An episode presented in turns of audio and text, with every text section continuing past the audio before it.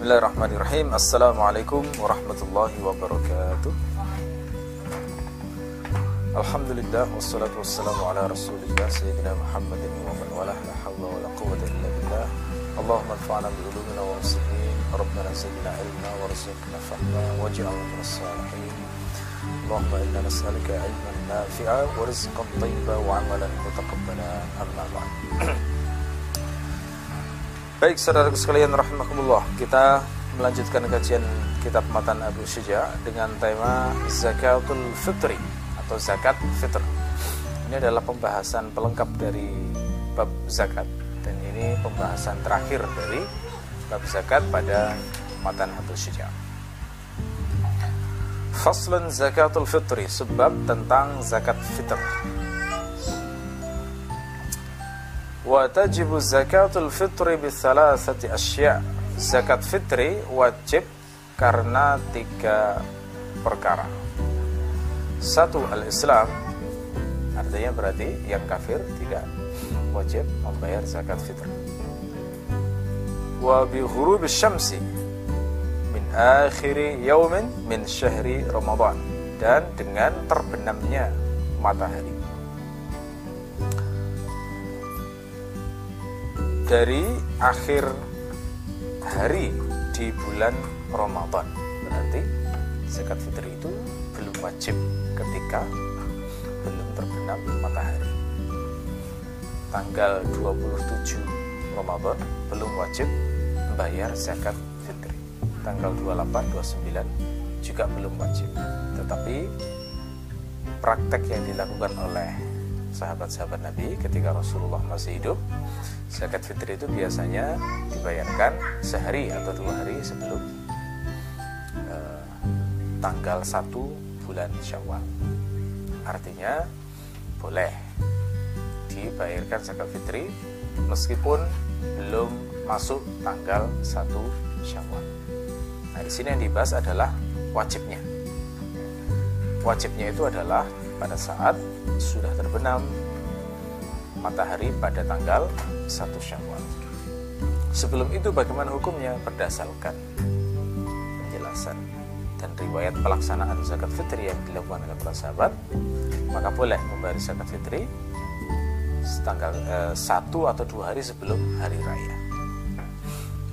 Bahkan di sebagian mazhab mulai tanggal 1 Ramadan itu sudah boleh membayar zakat fitri. Jadi ini harus dibedakan antara hukum boleh membayar zakat fitri dengan hukum wajib. Kapan sudah mulai wajib dan kapan sudah boleh mulai membayarnya. Wajibnya itu adalah pada saat matahari terbenam di hari terakhir bulan Syawal. Artinya berarti bulan Ramadan artinya berarti tanggal 1 Syawal. Itulah sebenarnya awal mula wajibnya membayar zakat fitri ini awal hari pertama tanggal 1 Syawal itu baru masuk hukum wajib. Sebelum itu belum wajib. Ya, dengan berbagai perincian ijtihad para ulama, kapan boleh baru mulai apa? Kapan mulai uh, boleh membayar zakat fitri berbeda-beda. Ada yang uh, mulai tanggal 1 Ramadan sudah boleh, ada yang mensyaratkan uh, harus dekat-dekat dengan tanggal 1 Syawal dan sebagainya. Wa yang ketiga wa wujudul fadli an qutihi wa quti iyalihi fi dzalikal yaum. Adanya kelebihan dari makanan pokoknya dan makanan pokok orang-orang yang ditanggungnya. Iyal itu adalah orang-orang yang ditanggung. Namanya orang ditanggung itu enggak harus kerabat ya. Bisa istri, bisa anak, bisa juga anak yatim yang sedang diasuhnya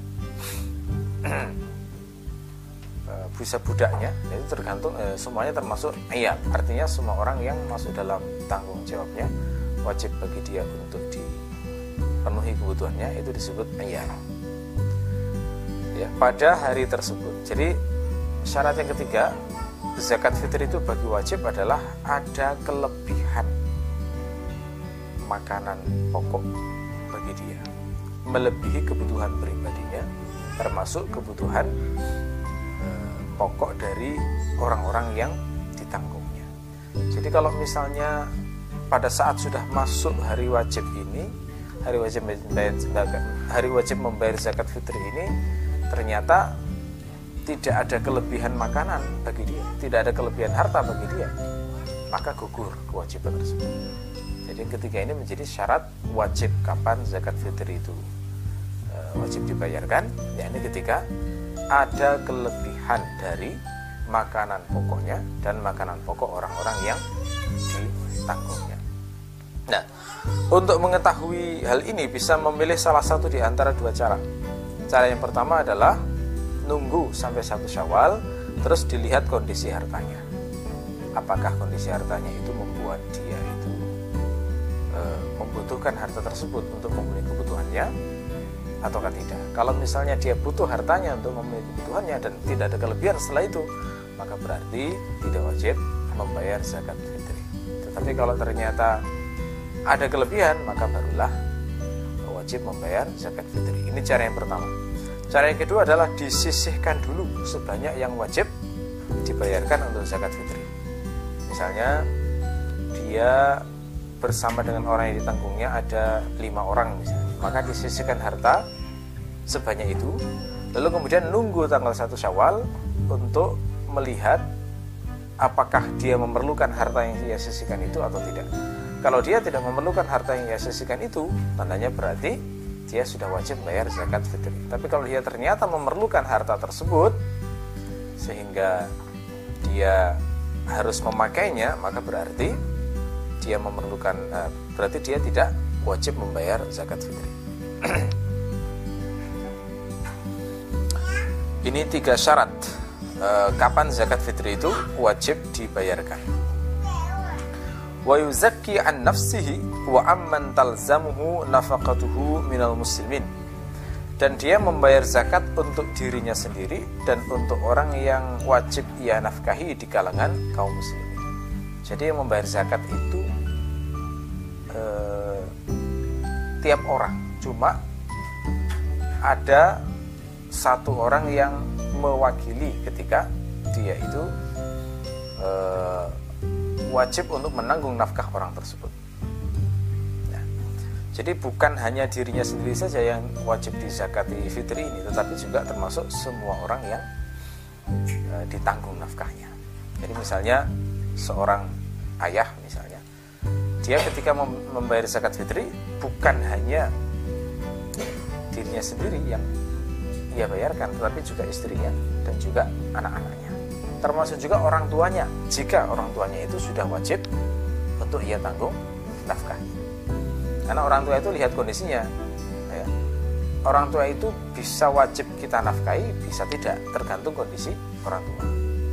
Nah, yang kemarin kita bahas sekilas ya atau belum pernah dibahas. Orang tua itu wajib dinafkahi jika dia satu miskin al-fakar ya. Penyebabnya adalah al-fakar kalau orang tua itu miskin nggak bisa memenuhi kebutuhan dirinya sendiri maka anak wajib menafkahi orang tua. Kondisi yang kedua adalah az dia terkena penyakit kronis yang membutuhkan untuk diurus. Nah itu juga anak menjadi wajib menafkahinya. Tapi kalau orang tua masih mampu menafkahi dirinya sendiri maka statusnya bukan wajib menafkahinya. Yang wajib e, birrul walidain. Dengan cara berbakti yang lakukan semampu mungkin ya. Termasuk tadi yang saya katakan bisa juga yang wajib dinafkahi itu adalah orang lain tidak harus kerabat. Orang lain itu contohnya misalnya anak adopsi. Anak adopsi itu itu kan orang lain sebenarnya. Tapi kalau kita sudah mengadopsinya maka berarti wajib kita untuk menafkahinya mengurusi makan minumnya menjaga nyawanya. Termasuk juga anak yatim yang kita asuh kita punya sejumlah anak yatim yang makannya dari harta kita maka itu juga orang yang wajib kita nafkahi. Termasuk budak kalau di zaman dulu.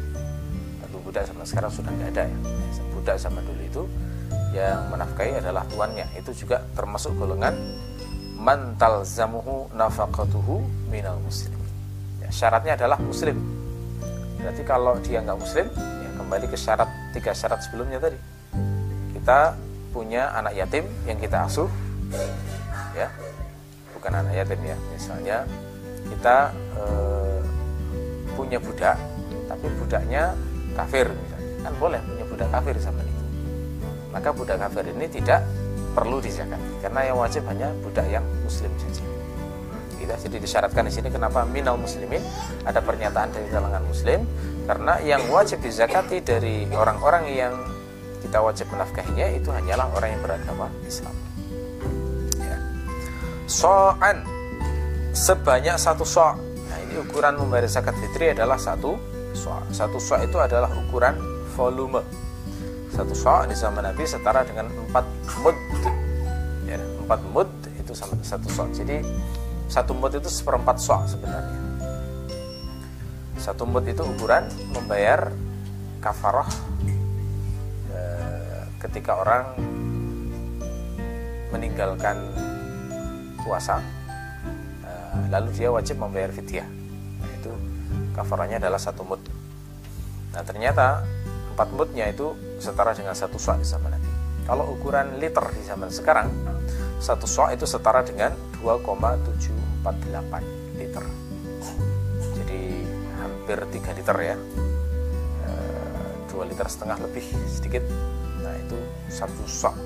Kalau ukuran kilogram satu sok itu setara dengan 2, 172 kg 2 kilo, 172 kg jadi nggak sampai dua setengah.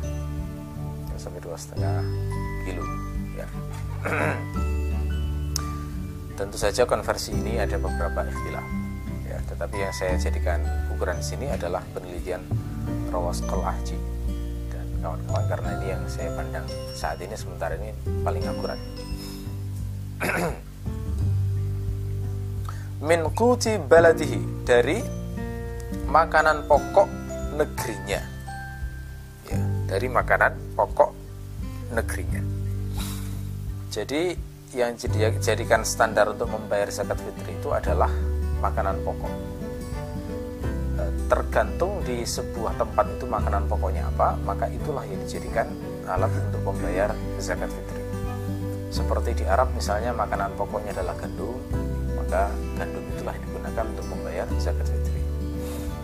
Eh, di Arab juga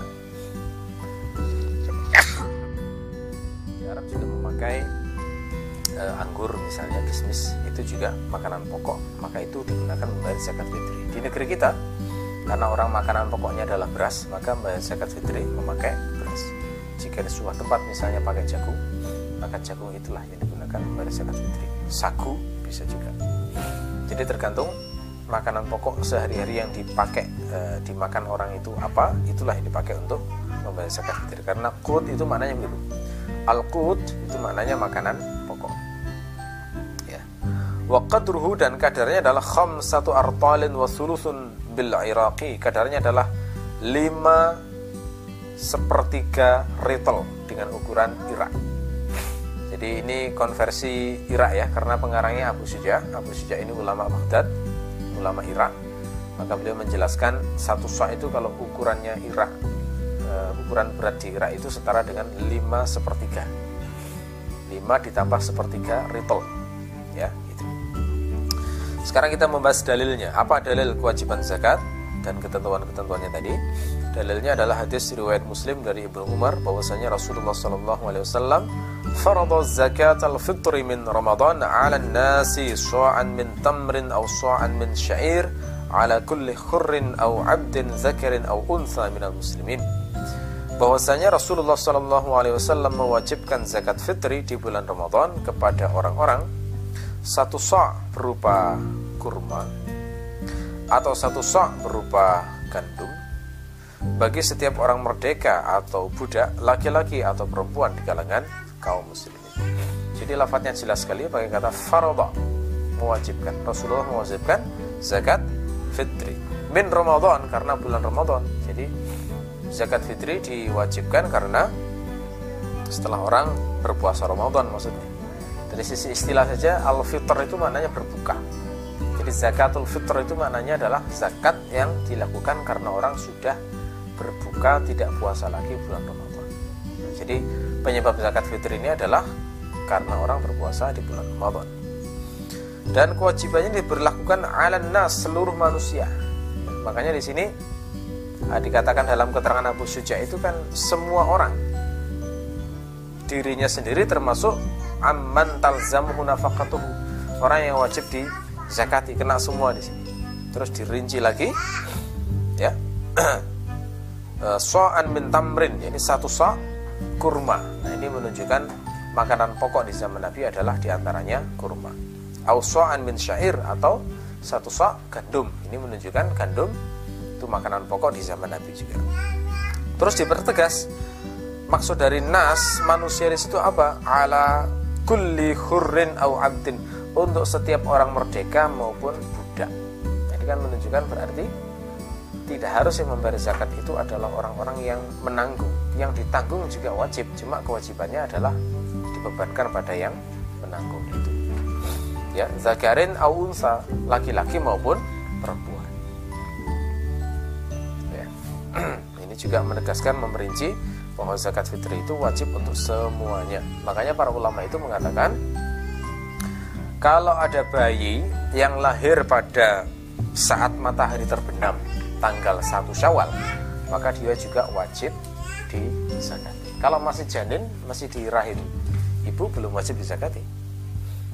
Tetapi kalau sudah lahir, misalnya lahir pas azan tanggal 1 Syawal, maka ayahnya saat itu harus langsung mikir bayar zakat e, anaknya tersebut. Kenapa? Karena memang lafadznya umum, kena ke semuanya. Itu termasuk orang yang wajib ditanggung nafkahnya oleh sang ayah itu, sehingga dia wajib dizakati. Itu hadis riwayat Muslim yang menjadi dasar ketentuan zakat fitri. Dalam riwayat Bukhari ada tambahan lafaz. Lafaznya berbunyi begini dari Ibnu Umar radhiyallahu anhu beliau mengatakan farada Rasulullah sallallahu alaihi wasallam zakat al-fitri sa'an min tamrin aw sa'an min sya'ir ala al-'abd wal khurri wal dzakir wal untha والصغير والكبير من المسلمين وأمر بها أن تؤدى قبل خروج الناس إلى الصلاة Rasulullah Shallallahu Alaihi Wasallam mewajibkan zakat fitri satu sok kurma atau satu sok gandum bagi budak orang merdeka laki-laki, perempuan, anak-anak, orang dewasa di kalangan kaum muslimin dan beliau memerintahkan agar ditunaikan sebelum orang-orang keluar untuk melakukan sholat id. Ya. Jadi tambahan riwayat ini tambah lebih jelas lagi menegaskan bahwa zakat fitri itu wajib dibayarkan bukan hanya orang merdeka tetapi juga budak, bukan hanya laki-laki tapi juga perempuan, bukan hanya orang dewasa tapi juga anak kecil. Tidak ada lafat wasohir, anak kecil. Makanya tadi ada muncul keterangan bahwa anak baru lahir pun itu juga wajib dibayarkan zakat fitri karena ada penegas hadis yang semacam ini. Dan Rasulullah memerintahkan agar ditunaikan sebelum orang-orang keluar untuk melakukan sholat. Artinya waktu maksimal membayar zakat fitri itu adalah sebelum dilakukan sholat id jadi pagi hari boleh bayar jam 4 pagi atau setelah subuh gitu ya datang pagi-pagi mendatangi orang miskin terus membayarkan zakatnya itu sah selama masih belum dilakukan sholat id yang jadi pertanyaan sekarang terkait dengan kenapa untuk membayar zakat fitri itu adalah dengan kut ya dengan makanan pokok. Kenapa kok tidak difahami wajibnya harus pakai kurma? Wajibnya harus pakai gandum di sini karena dalilnya kan gandum atau kurma. Kenapa kok difahami kut?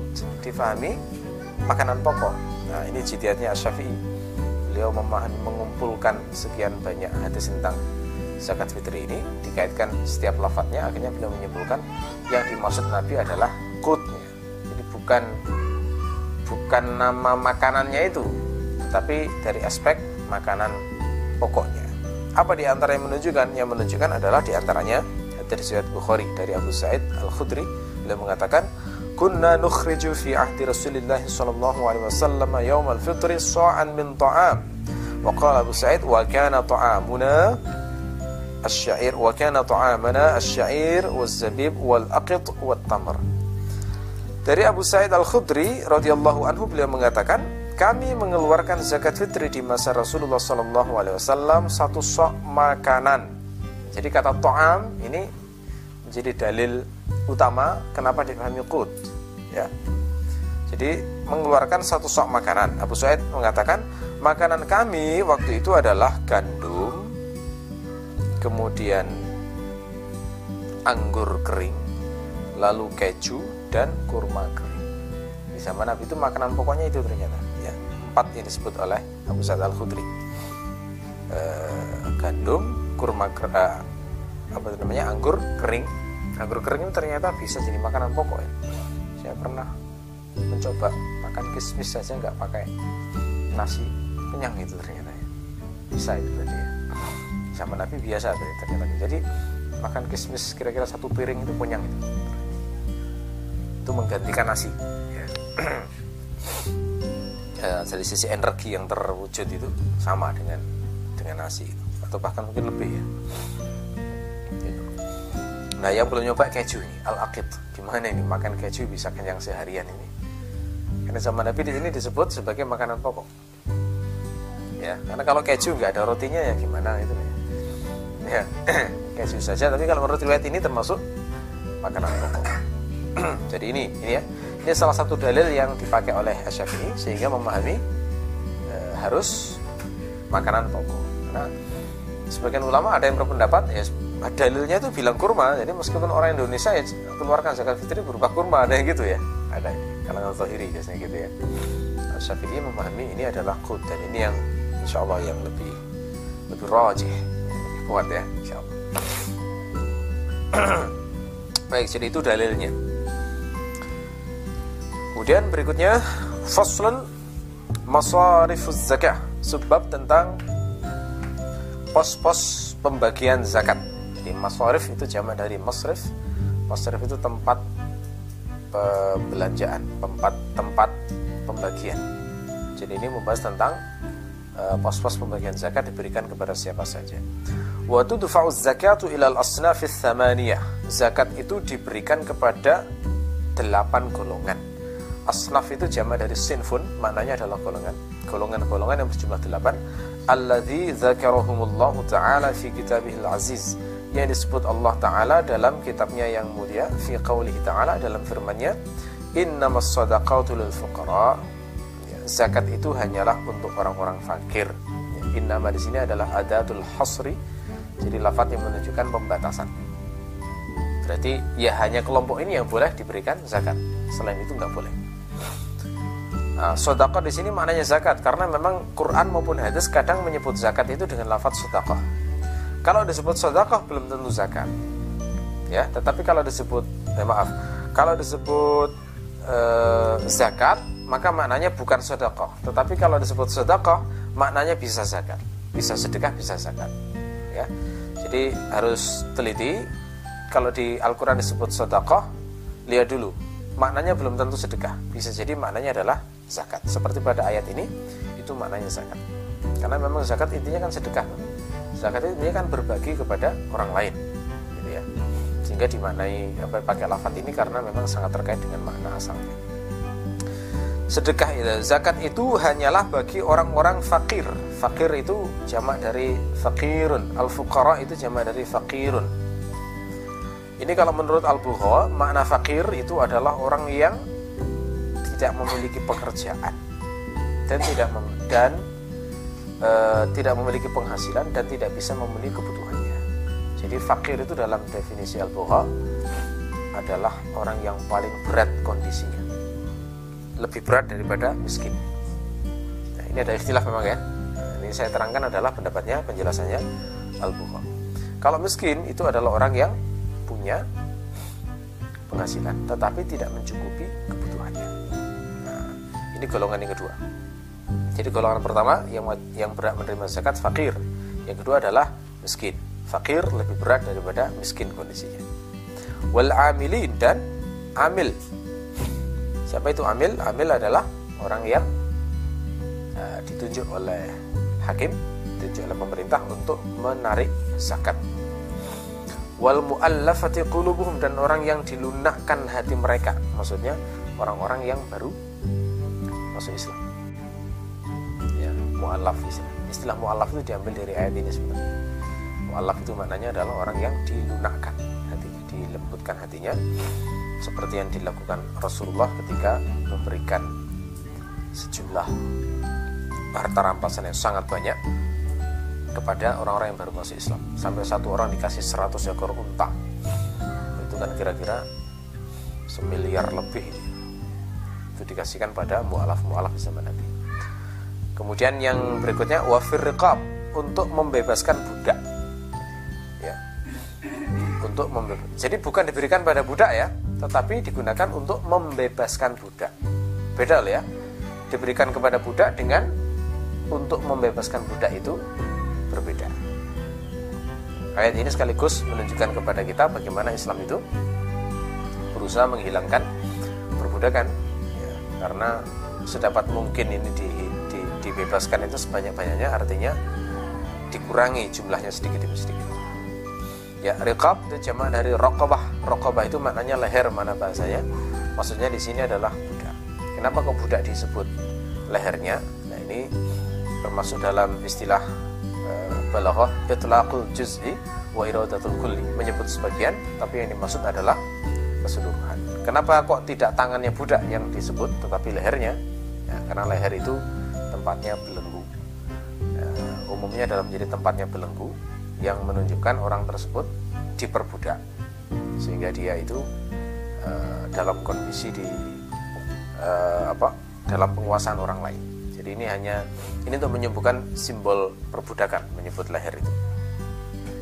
Wal gharimin dan orang-orang yang berhutang ini juga berhak mendapatkan zakat ketika dia tidak bisa membayar utangnya atau berat mendapatkan harta untuk mendapatkan untuk membayar hutangnya. Wa fi sabilillah dan fi sabilillah maksudnya fi sabilillah adalah mujahid. Orang yang berperan di jalan Allah kata Al-Bukhari yakni mujahid yang tidak mendapatkan gaji rutin dari Baitul Mal.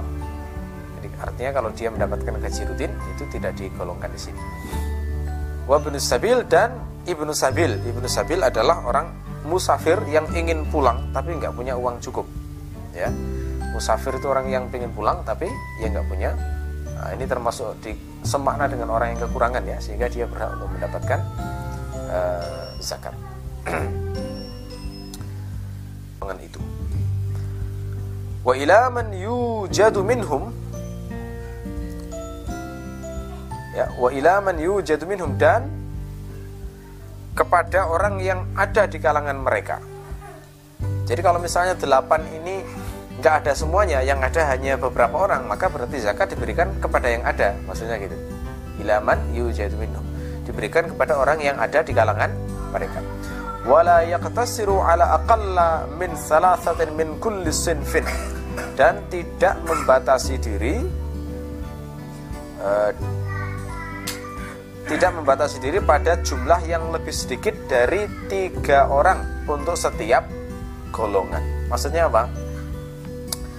Kalau misalnya delapan asnaf ini semuanya ada, ya, maka dalam penjelasan Abu Suja semuanya itu dikasih. Ya semuanya ini ada istilah memang ya.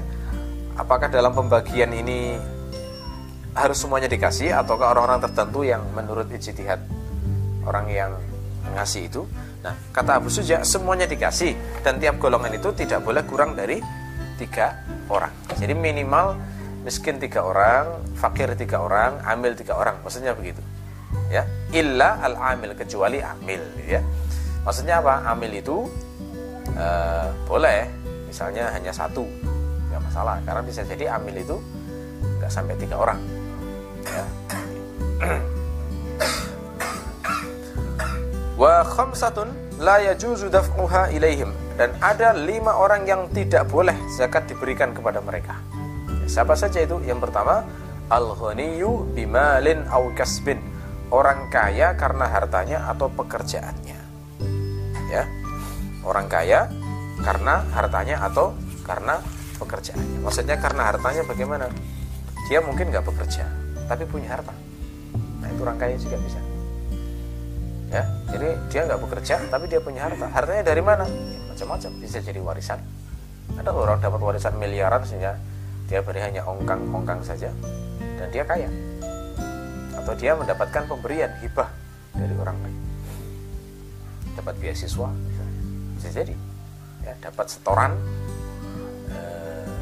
dapat hibah rutin. Ya, dari dari salah ada pihak tertentu maka bisa disebut kaya orang ini. Meskipun dia tidak bekerja. Ini penyebab yang pertama. Bisa juga kaya karena kasbin karena jadi dia kayanya adalah karena bekerja lalu menghasilkan uang. Nah, meskipun dia nggak langsung bekerja ya tapi misalnya dia investasi nah, kemudian dia setiap bulan dapat setoran harta kan kaya juga itu ya. Nah, itu bekerja ya. jadi dia punya harta ditanam ke mana-mana begitu ya sehingga setiap hari dia nggak ngapa-ngapain ya menikmati hartanya saja. Ya, semacam ini juga disebut kaya yang membuat dia itu tidak boleh untuk mendapatkan zakat. Yang kedua adalah wal abdu budak juga tidak boleh dikasih zakat. Kenapa?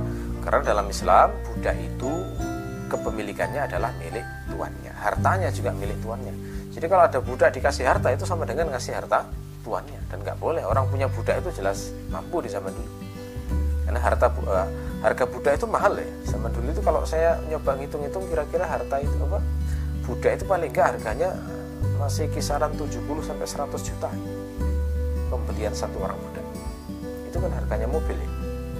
Nah, orang kalau bisa beli budak mampu berarti dia. Apalagi budaknya lebih dari satu.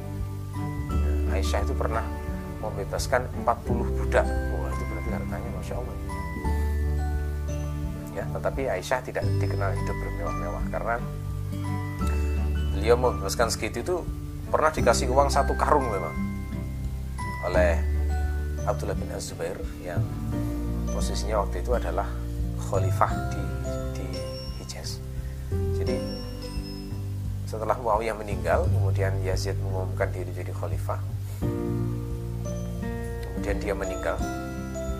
Lalu kemudian digantikan oleh anaknya Muawiyah bin Yazid menjadi khalifah itu e, di Hijaz itu kan ada sahabat Nabi yang tidak setuju dengan kekhilafahan dari Umayyah maka sahabat Nabi yang bernama Abdullah bin Zubair ini mengumumkan diri sebagai khalifah. Jadi sempat terjadi ada dua khalifah besar waktu itu di Damaskus. Itu khalifahnya Muawiyah bin Yazid terus diganti langsung Marwan bin Al-Hakam. Sementara di Hijaz itu khalifahnya adalah Abdullah bin Az-Zubair. Dua-duanya punya wilayah yang sangat luas. Ini sempat ada dua kekhalifahan itu selama hampir 20 tahun selama hampir 20 tahun. Uh, umat Islam itu berada dalam di masa Umayyah itu ya. yang terjadi kayak begitu ya. Salah satu kebijakan Abdullah bin Zubair adalah memberikan santunan kepada istri-istri Nabi di antaranya Aisyah ini. Aisyah ini terkenal sangat dermawan luar biasa itu nah, cuma caranya Aisyah itu ketika bersedekah sedikit beda dengan Asma binti Abu Bakar tibanya Aisyah itu kalau sedekah adalah ada uang sebarkan. Ada uang sebarkan. Kalau Asma tidak ada uang kumpulkan baru sebarkan. Nah, begitu itu tibanya Asma. Dua-duanya baik. Tipe orang memang macam-macam ya ketika bersedekah. Ya, itu kalau seperti Aisyah itu nggak mau uh, apa menahan lama-lama uang yang ada pada dirinya itu pernah ketika dikasih uang oleh Abdullah Zubair sebanyak satu karung kita bayangkan satu karung itu berapa jumlahnya nah seperti itulah kira-kira mungkin hartanya Aisyah sehingga dia bisa membebaskan 40 budak gitu ya. Jadi saat punya itu langsung dibelikan budak-budak, langsung dibebaskan. Kira-kira begitu. Sementara budak yang difungsikan untuk membantu dirinya yaitu ya hanya hanya satu saja. Jadi budak tidak boleh diberi zakat karena budak tidak pernah memiliki harta sehingga ketika kita pernah membahas tentang ilmu waris itu kan di antara mawani irs penghalang pewarisan itu adalah perbudakan Kenapa? Karena budak tidak memiliki harta.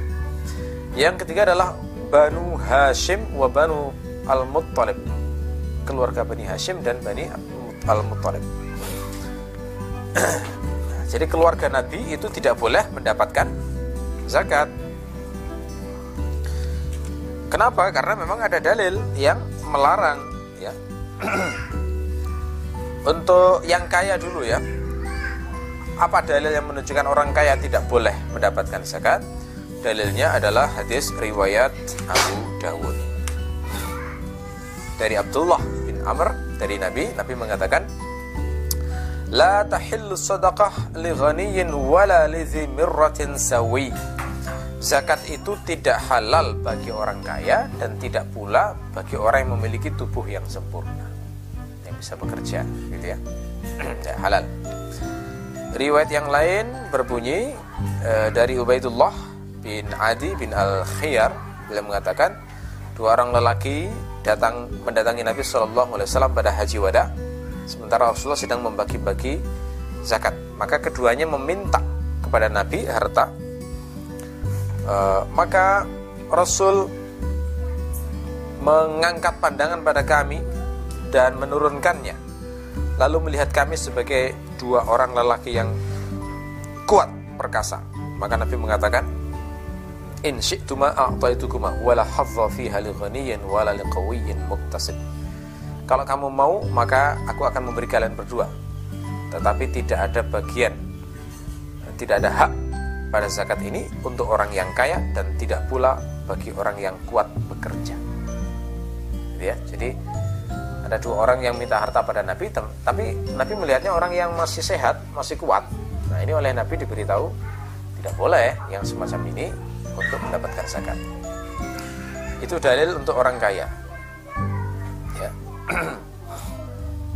Adapun untuk uh, dalil bahwa keluarga Nabi itu tidak boleh menerima zakat itu dalilnya adalah hadis riwayat Muslim. Nabi mengatakan, "Inna hadhihi sadaqat innama hiya awsakhun nas wa innaha la tahillu li Muhammadin wala li ali Muhammad." Sesungguhnya zakat ini adalah kotoran manusia dan sesungguhnya ia itu tidak halal untuk Muhammad dan keluarga Muhammad. Nah, oleh karena itulah maka sejak zaman Nabi Isa itu ini termasuk ciri penting dari Nabi Muhammad. Nabi Isa itu kan mengajarkan saat uh, mengajari murid-muridnya bahwa nanti di akhir zaman akan dibangkitkan Nabi terakhir dan di antara ciri Nabi terakhir ini adalah tidak mau makan sedekah tapi mau makan hadiah. Memang ini dinyatakan dalam banyak hadis Nabi sehingga sampai muncul dalam uh, hukum fikih semacam ini tidak boleh keluarga Nabi itu mendapatkan zakat. Yang keempat yang tidak boleh menerima zakat adalah wal kafir, orang kafir. Jadi tidak boleh zakat itu dibagikan kepada orang kafir meskipun dia miskin. Tidak boleh. Dalilnya apa? Dalilnya adalah hadis riwayat Al-Bukhari kata Nabi fa in hum ata'u laka bidzalika fa akhbirhum anna Allah qad farada 'alaihim sadaqatan tu'khadhu min aghniyaihim faturaddu 'ala fuqaraihim. Kalau mereka menaati kamu dalam hal itu, maka beritahulah mereka bahwasanya Allah mewajibkan pada mereka sedekah, mewajibkan pada mereka zakat yang diambil dari orang-orang kaya di antara mereka dan dikembalikan kepada orang-orang miskin di antara mereka. Ini pesan Rasulullah kepada uh, Muaz bin Jabal. Jadi Muaz bin Jabal saat itu diutus ke Yaman, dipesani Nabi untuk mendakwai orang-orang Yaman dan mengajarkan syariat Islam. Di antara ajarannya adalah kalau sudah menaati disuruh sholat maka Nabi mengajarkan tariklah zakat di kalangan mereka. Untuk apa zakat itu? Ya tu'khadhu min aghniyaihim faturaddu ala fuqaraihim. Diambil dari orang-orang kaya di antara mereka dan dikembalikan pada orang-orang miskin di kalangan mereka. Nabi mengatakan zakat itu diambil dari orang-orang kaya mereka maksudnya orang-orang Islam. Wa turaddu ala fuqaraihim dan dikembalikan pada orang-orang miskin di kalangan mereka. Maksudnya berarti yang berhak mendapatkan zakat itu adalah orang-orang miskin di kalangan kaum muslimin. Makanya ini menjadi dalil haram hukumnya tidak boleh zakat itu diberikan kepada orang kafir. Yang kelima adalah waman talzamul muzakkiya waman talzamul muzakkiya nafaqatuhu la yadfa'uha ilaihim bismil fuqara wal masakin orang yang wajib dinafkahi oleh orang yang berzakat itu tidak boleh diberi zakat. Jadi misalnya ya, ambil contoh misalnya eh, saya wajib menafkahi istri saya dan anak-anak saya, maka berarti saya haram untuk memberi zakat pada anak-anak saya dan istri-istri saya. Nanti khawatirnya atas nama bayar zakat untuk menghindar dari kewajiban nafkah nah itu ya nggak benar begitu ya termasuk misalnya orang tua saya sudah dalam situasi saya wajib menafkahinya maka saya tidak boleh menafkah membayar zakat kepada orang tua saya. Tapi selama orang tua saya itu masih belum wajib saya nafkahi artinya masih sunnah saja misalnya maka masih boleh membayar zakat kepada orang tua atau kepada kerabat. Dan justru itu yang paling utama bayar zakat kepada kerabat itu yang paling utama. Yang penting syaratnya di sini tidak boleh bayar zakat pada orang yang wajib di nafkahi syaratnya itu ya tidak boleh. Bismil fuqara wal masakin. Ya dengan atas nama fakir dan miskin. Artinya kalau atas nama selain ini berarti boleh. Ada orang yang wajib kita nafkahi tetapi dia amil. Boleh nggak? Boleh. Karena dia mendapatkan zakat atas nama amilnya itu. Bukan atas nama uh, orang fakir dan miskin. Nah, itu ya perbedaannya. Eh, jadi misalnya sebagai amil sebagai horim misalnya. Boleh sebagai mujahid misalnya juga boleh. Jadi di sini yang dilarang adalah atas nama orang fakir dan miskin itu ketentuan. Biar tidak ada hujah e, membayar e, zakat e, untuk menghindar dari kewajiban membayar nafkah. Baik.